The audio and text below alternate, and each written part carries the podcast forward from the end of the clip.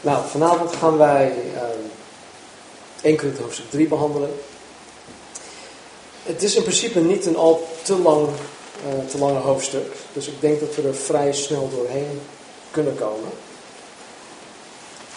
Uh, laten we het in ieder geval proberen. Nou, in hoofdstuk 1 tot en met 4 behandelt Paulus het probleem van verdeeldheid in de gemeente. En vanavond, in hoofdstuk 3, zitten we dus eigenlijk nog steeds, ja, of zijn wij nog steeds met dat onderwerp bezig, hè, verdeeldheid. Hij noemt het niet expliciet, maar het is wel in de context van het probleem van verdeeldheid dat hij dit aan Corinthiërs uh, schrijft. Maar ik vind het zelf opmerkelijk dat God het nodig acht om vier hoofdstukken te besteden om het probleem van verdeeldheid aan te pakken in deze gemeente. Gewoon een kwart van de brief besteedt hij aan dit probleem. En zoals we vanavond zullen zien, staat eenheid heel hoog op de prioriteitenlijst van God. eenheid is heel belangrijk voor God. Weet je, ik, ik, ik ben God dankbaar dat wij als gemeente, als Calvary Chapel, niet met dit probleem te maken hebben of te kampen hebben. Zoals, zoals de Corinthiërs. dus voor ons is, is dit eigenlijk het is, een, het is Gods woord, het is heel uh, toepasselijk, het is ook heel relevant. Maar gelukkig is het voor ons niet dusdanig relevant dat ik tot jullie moet zeggen van jongens, wij zijn verdeeld. Het is dus niet op die manier relevant voor ons. En daar ben ik God heel dankbaar voor. Dus het is eigenlijk preventief vanavond. En uh, ik zou zeggen, laten we de lessen eruit halen om zo te kunnen voorkomen dat we ja, niet met dit soort ellende te maken zullen krijgen. Nou, laten we gewoon uh, induiken. Uh, vers 1, hoofdstuk 3, vers 1. En ik, broeders, kon tot u niet spreken als tot mensen die geestelijk zijn, maar als mensen die nog vleeselijk zijn, als tot jonge kinderen in Christus. Ik heb u met melk gevoed en niet met vast voedsel, want u kon dat nog niet verdragen. Ja, u kunt dat ook nu nog niet want u bent nog vleeselijk. Als er immers onder u afgunst is en twist en tweedracht, bent u dan niet vleeselijk en wandelt u dan niet naar de mens? Want als iemand zegt, ik ben van Paulus en een ander, ik van Apollos, bent u dan niet vleeselijk? Zover. Nou, de eerste drie versen hebben we afgelopen zondag uh, grondig behandeld. Uh, dus we gaan daar vanavond niet verder op in. Uh, maar hij noemt in, in, in deze versen, in, uh, in vers 3 vooral, noemt hij drie dingen die de Corinthiërs kenmerkten. De eerste was onderlinge afgunst, twist en tweedracht. Maar de Bijbel zegt best wel veel over deze dingen.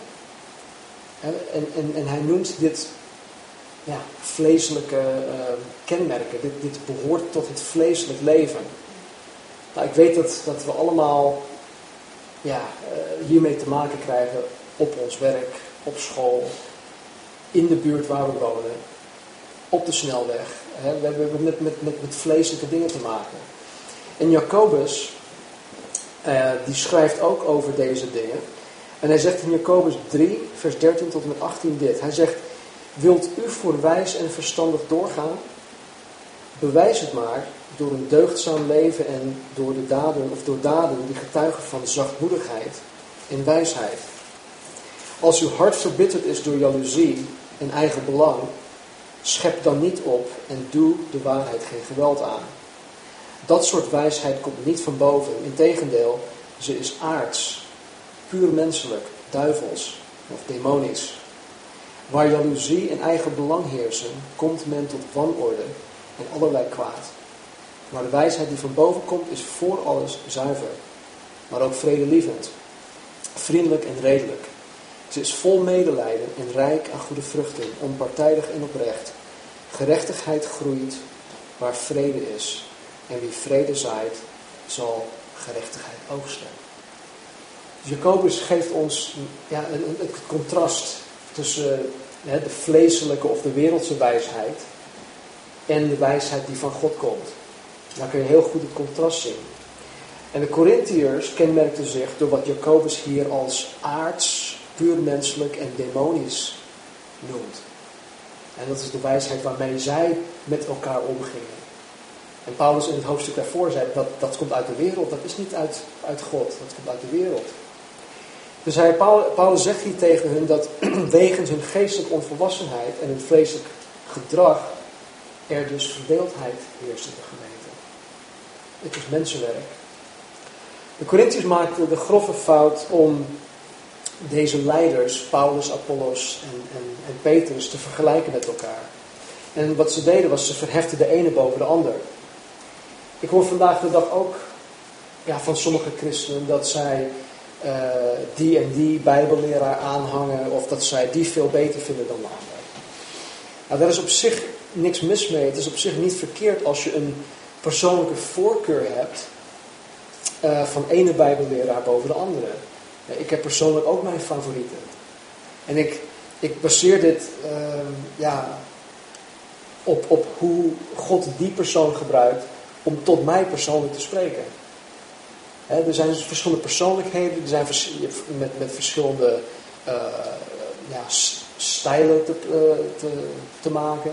een praatstijl of een stem. Sommige, sommige stemmen die irriteren me gewoon. En het, het, de, het is niet dat ze niet de waarheid spreken, want het zijn hele goede bijbelleraren. Waarin het, het woord van Christus rijkelijk woont. Maar het, ja, soms zijn het dingen of een bepaalde taalgebruik of, of woordenkeuze. En ja, dat, dat, spreekt mij dus niet aan.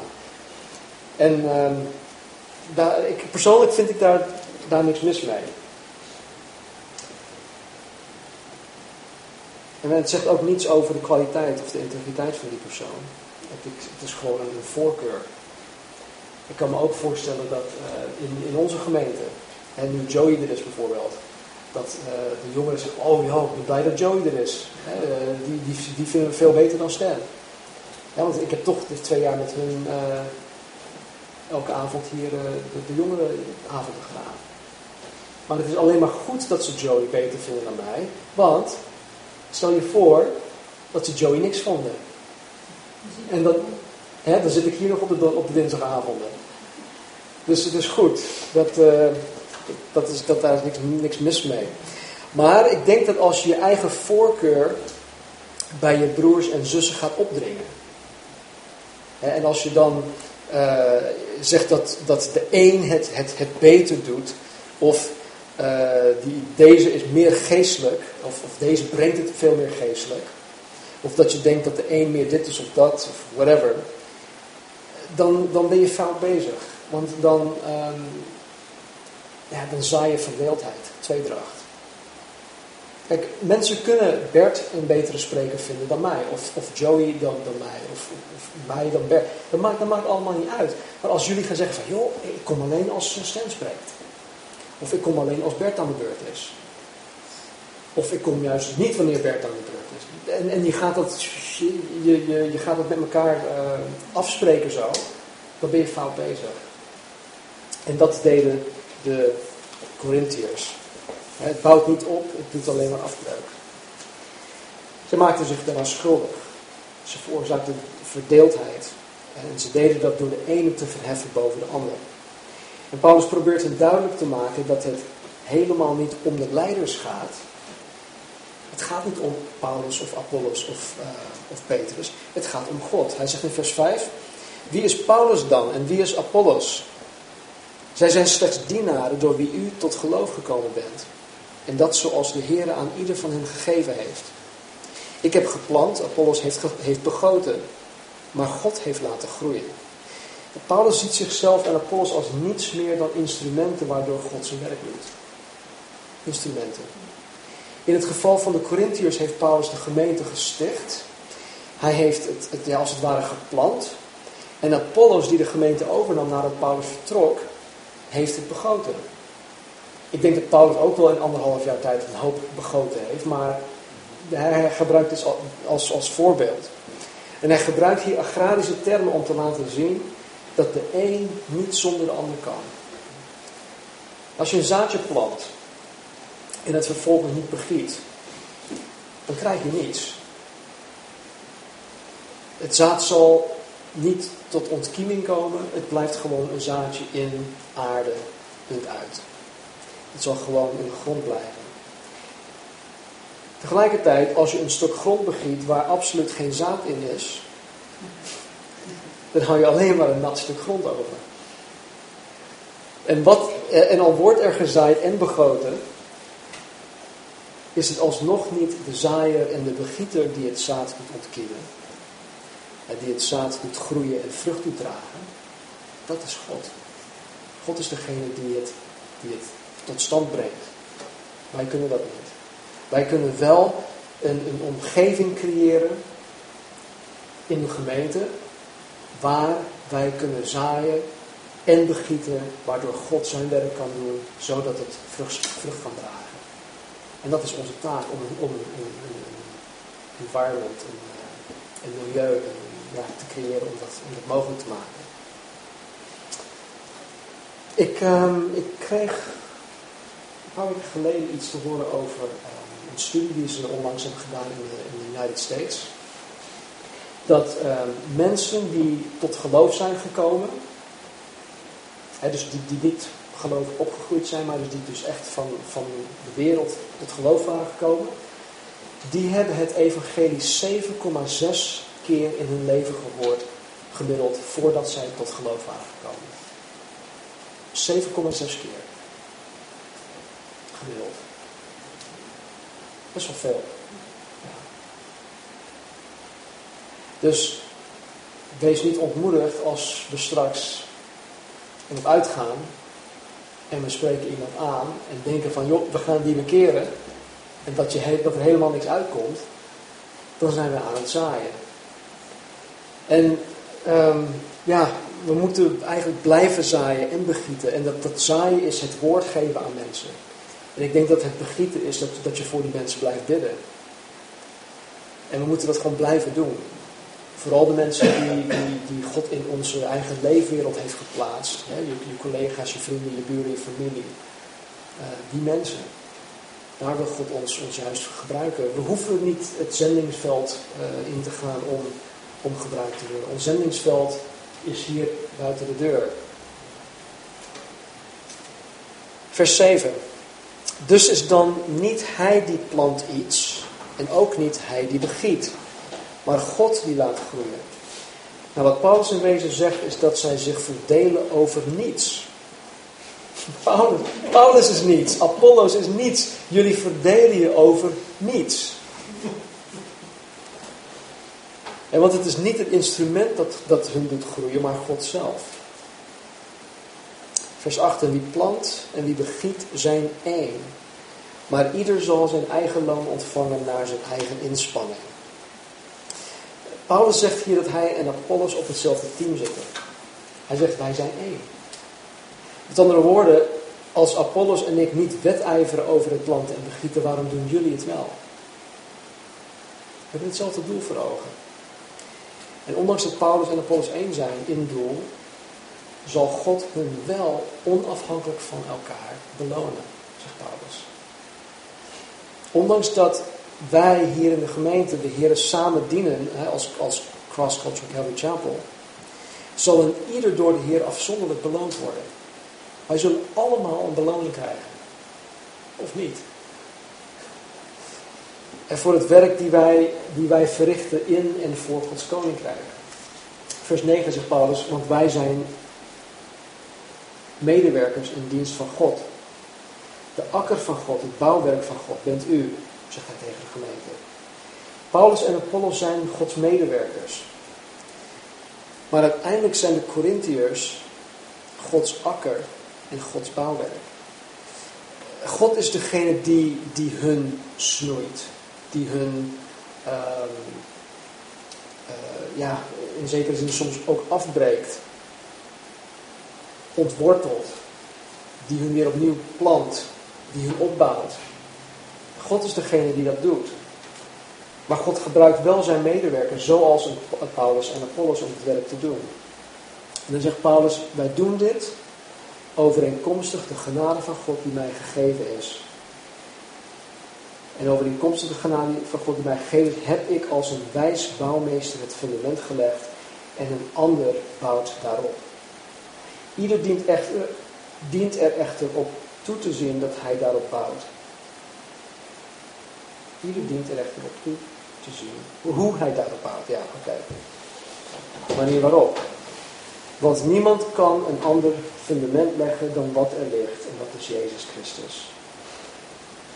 Paulus en de andere apostelen hebben een unieke plaats gekregen in de gemeente. Zij zijn de apostelen.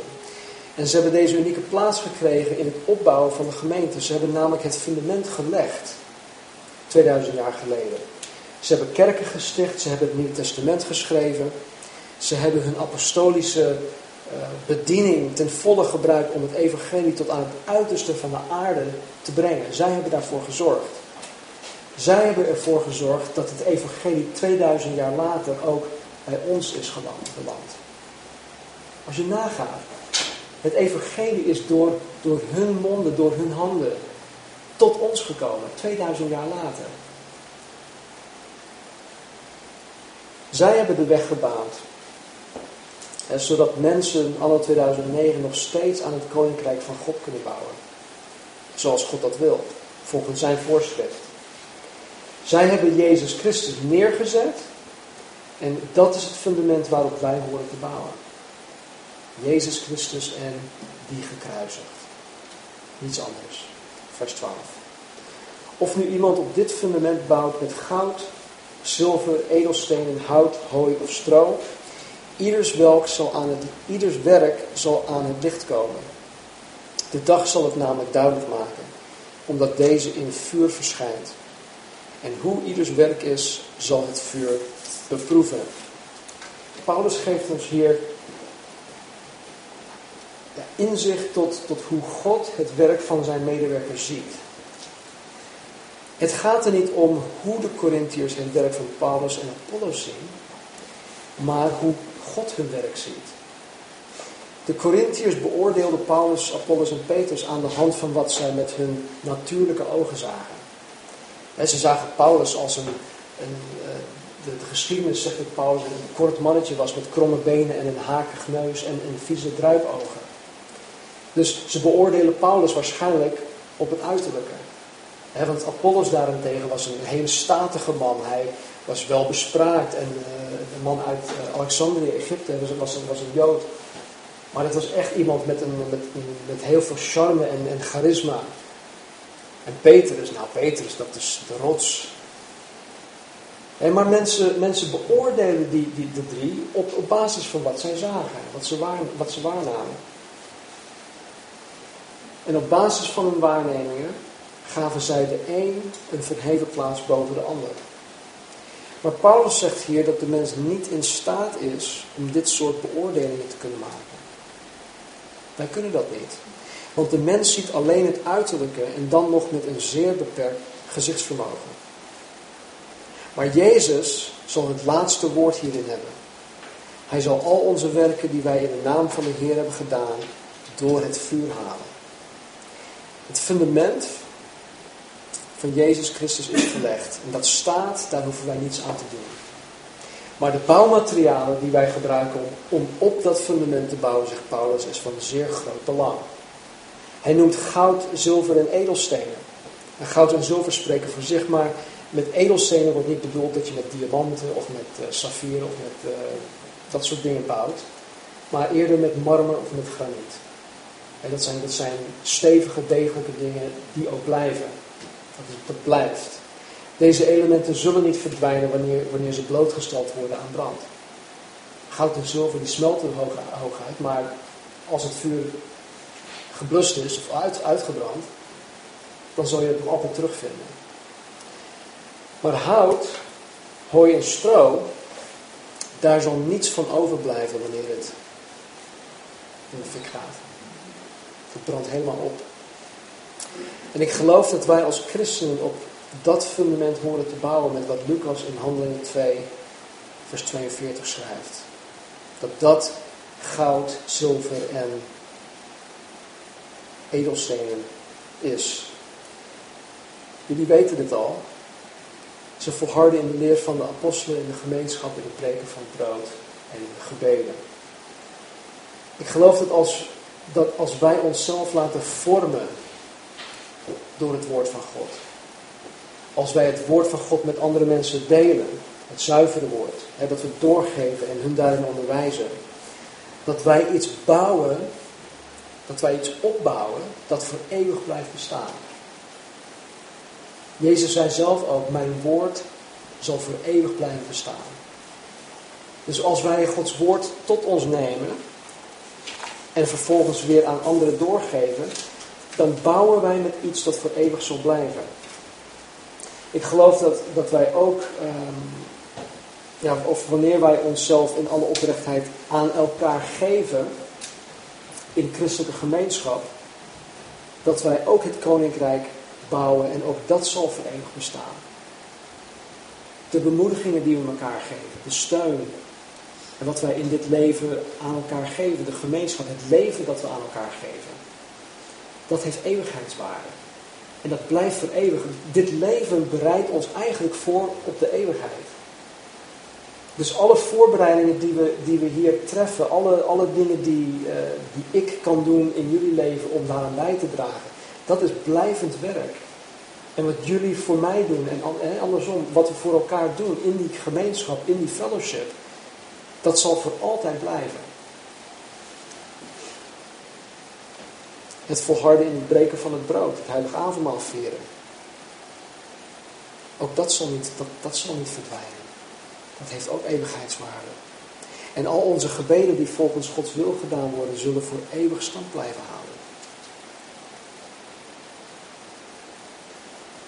Ik geloof ook dat alles dat niets te maken heeft met deze dingen, of het model dat God ons gegeven heeft, dat, dat deze dingen geen stand zullen houden. Dingen zoals wat Paulus hier ook noemt, het mengen van wereldse wijsheid met het evangelie, zoals de Corinthiërs dat deden. Of het mengen van psychologie met het evangelie. Water bij de wijn doen. Maar ook alle andere dingen die niet vanuit een zuivere motivatie gedaan worden, maar wel in de naam van Christus. Ook die dingen zullen geen stand blijven houden.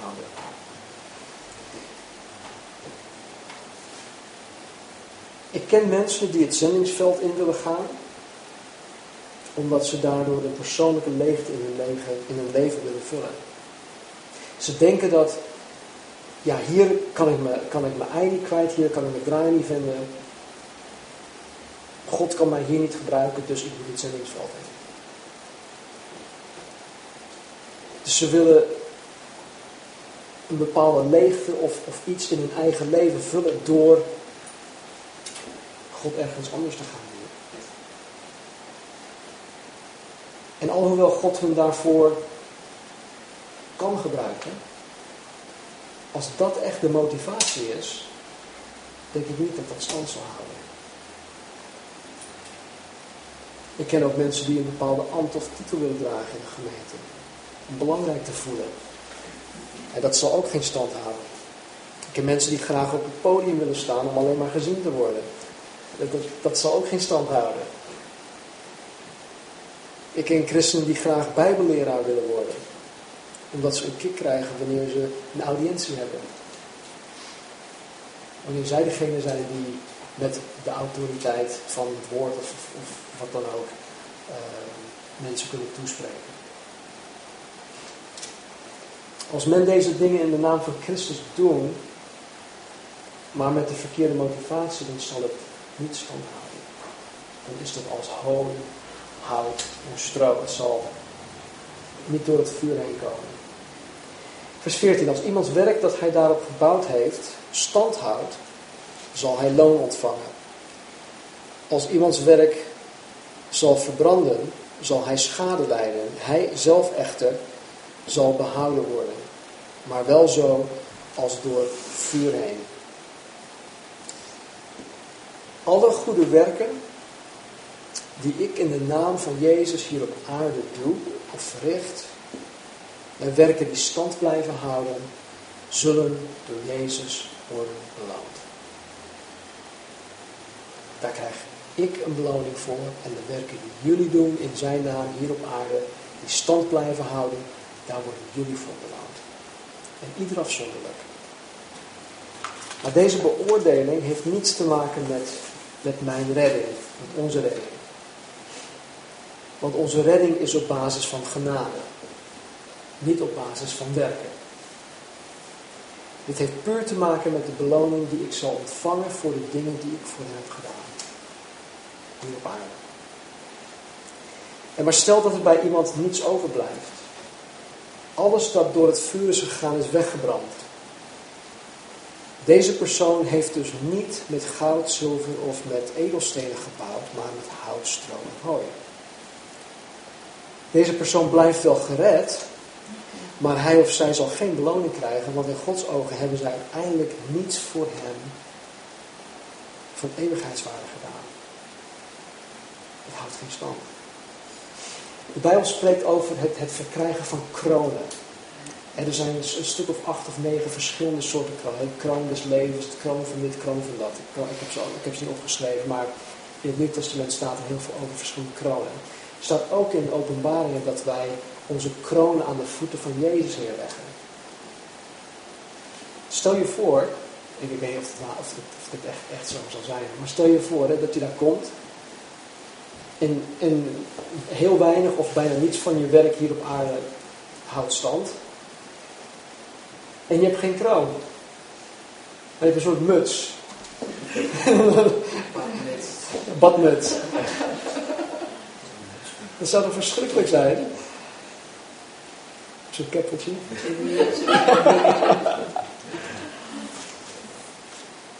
Dan heb je niks om aan, aan de voeten van Jezus neer te leggen. Goed, vers 16. Weet u niet dat u Gods tempel bent en dat de geest van, geest van God in u woont? Als iemand de tempel van God te gronden richt, zal God hem te gronden richten. Want de tempel van God, en dat bent u, en dat bent u, is heilig.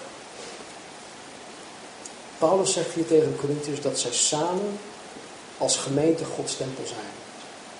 En dat de geest van God in hen woont. Straks in hoofdstuk 6 zegt hij hetzelfde over, hè, je lichaam is het tempel van God. Maar dan zegt hij het tot de individu. Maar nu in dit gedeelte heeft hij dus over de gemeente. De gemeente vormt de tempel van God. En ook daar is, daarin is Gods geest aanwezig.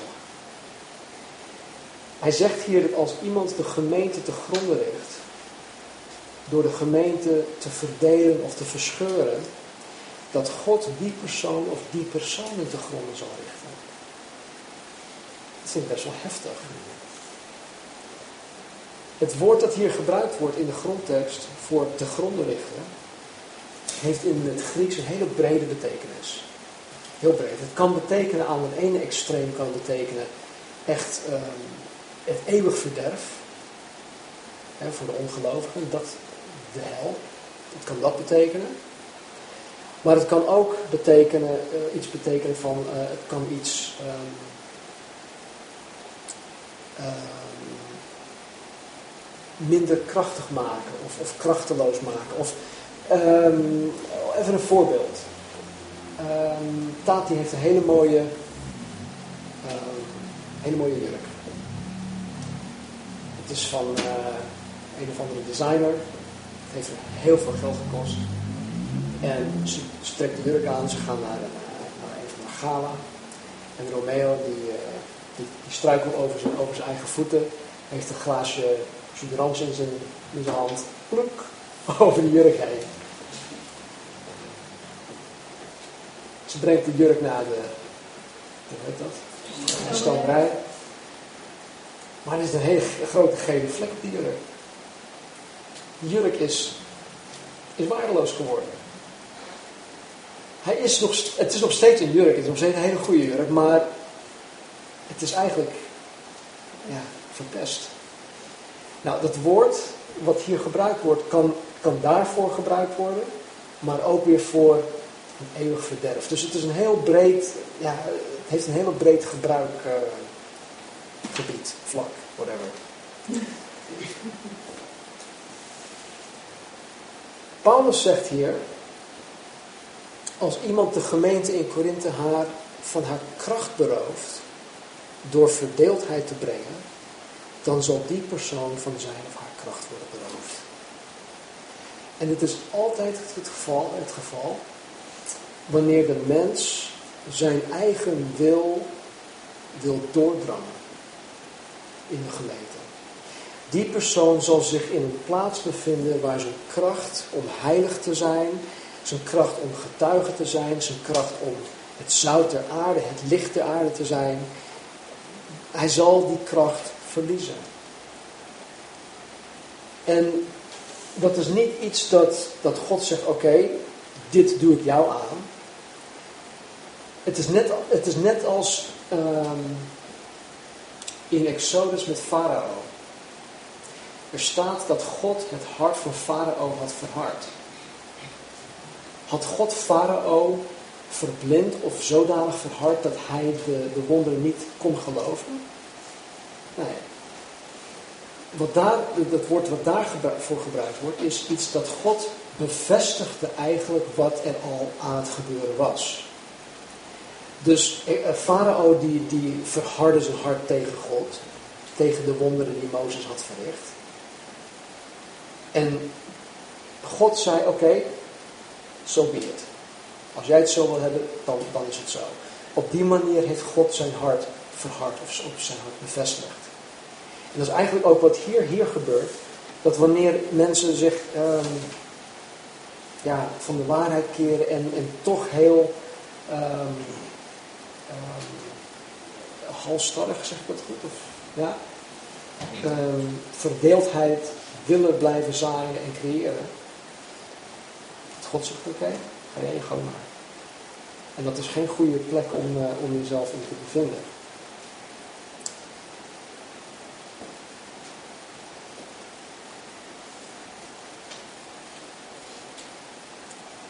Dus als iemand met opzet schade aan de gemeente van Jezus Christus wil aanrichten, zal deze door God ook schade lijden. En dat geldt ook voor mensen bijvoorbeeld die van buiten, eh, ongelovigen, schade aan de gemeente willen, willen verrichten. Dus niet alleen mensen binnen de gemeente. Laat niemand zichzelf bedriegen. Als iemand onder u denkt dat hij wijs is in deze wereld, laat hij dwaas worden. Opdat hij wijs zal worden. Want de wijsheid van deze wereld is dwaasheid bij God. Want er staat geschreven, hij vangt de wijze in hun sluwheid. En opnieuw, de Heer kent de overwegingen van de wijze, dat zij zinloos zijn. Laat daarom niemand roemen in mensen, want alles is van u. Of het nu gaat om Paulus, Apollos of Kefas, wereld, leven of dood, tegenwoordige of toekomstige dingen, alles is van u. Maar Paulus wijst nogmaals helemaal af dat nog Paulus, Apollos of Kefas, Petrus bijzondere geestelijke inzicht hadden gekregen die de verschillende partijen wilden aanhangen. Eén partij die zei van ik ben helemaal voor Paulus. Een andere partij zei nee ik ben helemaal voor Apollos. En die andere partij zei nee ik ben helemaal voor Kefas. Voor Petrus. En hij wijst dat weer helemaal af. In, in die tijd waren er zoveel filosofen die met allerlei verschillende ideeën en, en, en, en idealen kwamen en met, met um, um, theorieën en dat soort dingen. En het was de, de Corinthiër eigen om mensen aan te hangen, om mensen na te volgen. En die, die mentaliteit, dat, dat, daar hielden ze zich aan vast. En dat, dat, ja, dat, dat, deden ze dus ook met Paulus en met, met Apollos en met Petrus. En ze dachten van, nou, nee, Paulus die heeft echt een bijzonder inzicht van God gekregen. Die wil ik navolgen. Maar de ander zei, nee, nee, Apollos heeft juist die, die, die zalving. Of Apollos heeft juist die, die, geestelijke gaven en ik wil hem navolgen.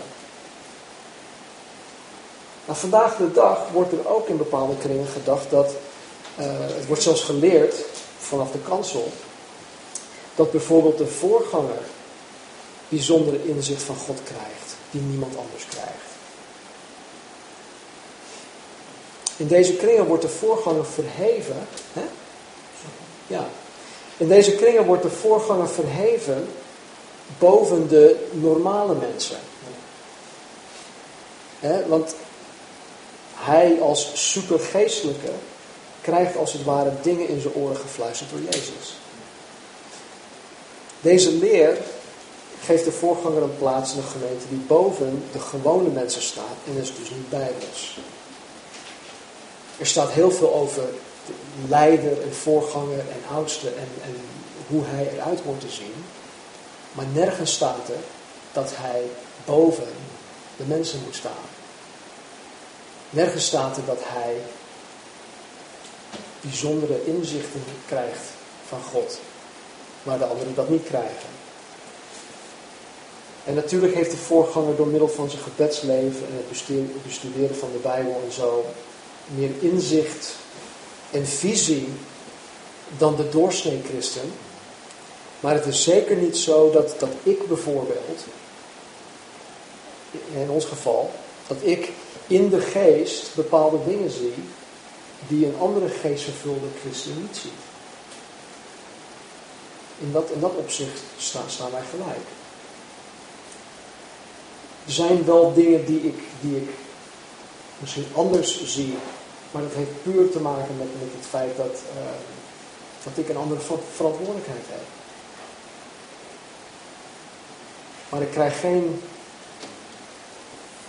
bijzondere ingevingen van God die, die jullie niet krijgen. Dus laat daarom niemand roemen in mensen, zegt Paulus. Want alles is van u, zegt hij. Het is niet zo dat de Corinthiërs het eigendom waren van Paulus, Apollos of Petrus. Juist andersom. Paulus, Apollos en Petrus bestaan om de gemeente te dienen. Zij waren als het ware hun bezit, hun dienaren. En niet dat de gemeente onder hun stond. Ook de wereld die Jezus Christus heeft over, overwonnen is van hun, is ook van ons. Ook het leven of de dood behoort tot hun. Het behoort ook tot ons. De tegenwoordige en toekomstige dingen behoren tot hun en tot ons. Het leven, het geestelijk leven, het christelijk leven in Christus is voor mij. Het is voor mij. Niemand kan het van mij afnemen. Het is van mij. De dood die ik in Christus heb overwonnen. De dood heeft geen grip meer op mij.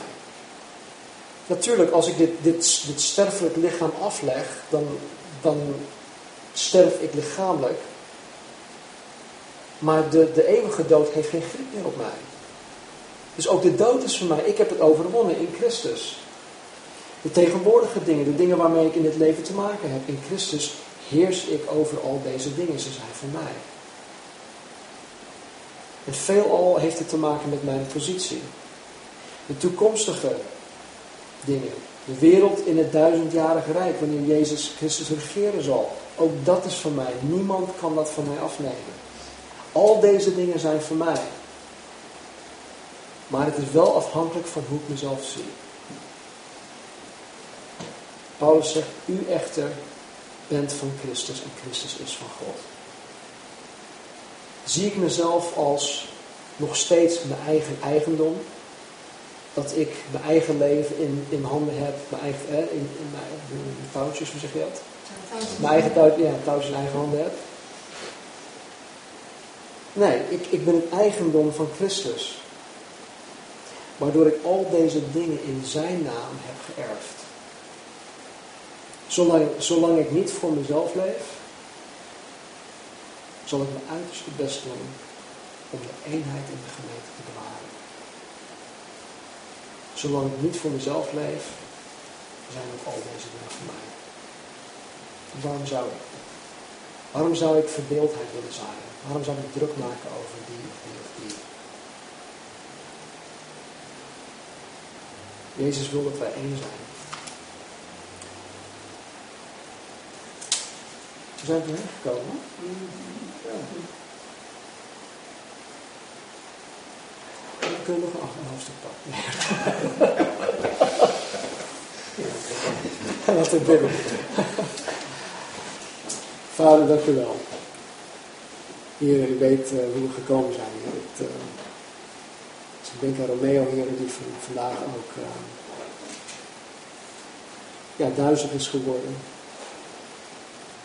Hartkloppingen. Kortademig. Uh, ja, ook mezelf hier, die, uh, ja, ik voel me zo, zo lekker.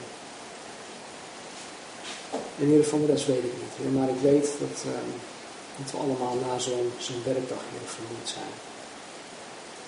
En hier, ondanks onze vermoeidheid, Heer, weet ik dat u wordt nooit weet dat u wederkeert.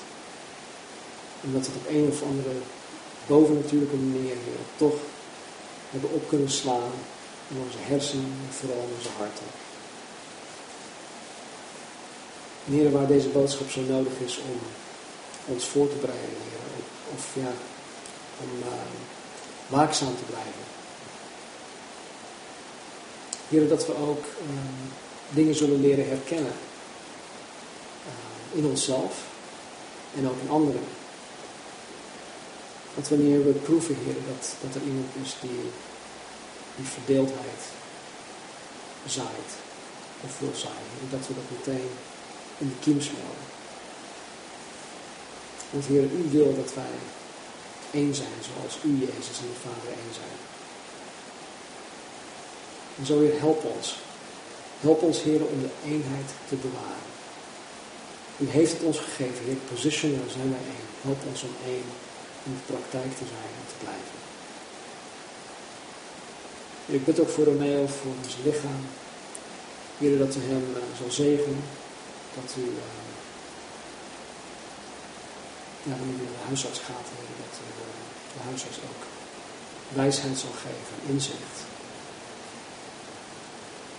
En ja, wat het ook is, Heer, dat, dat hij erachter zal komen.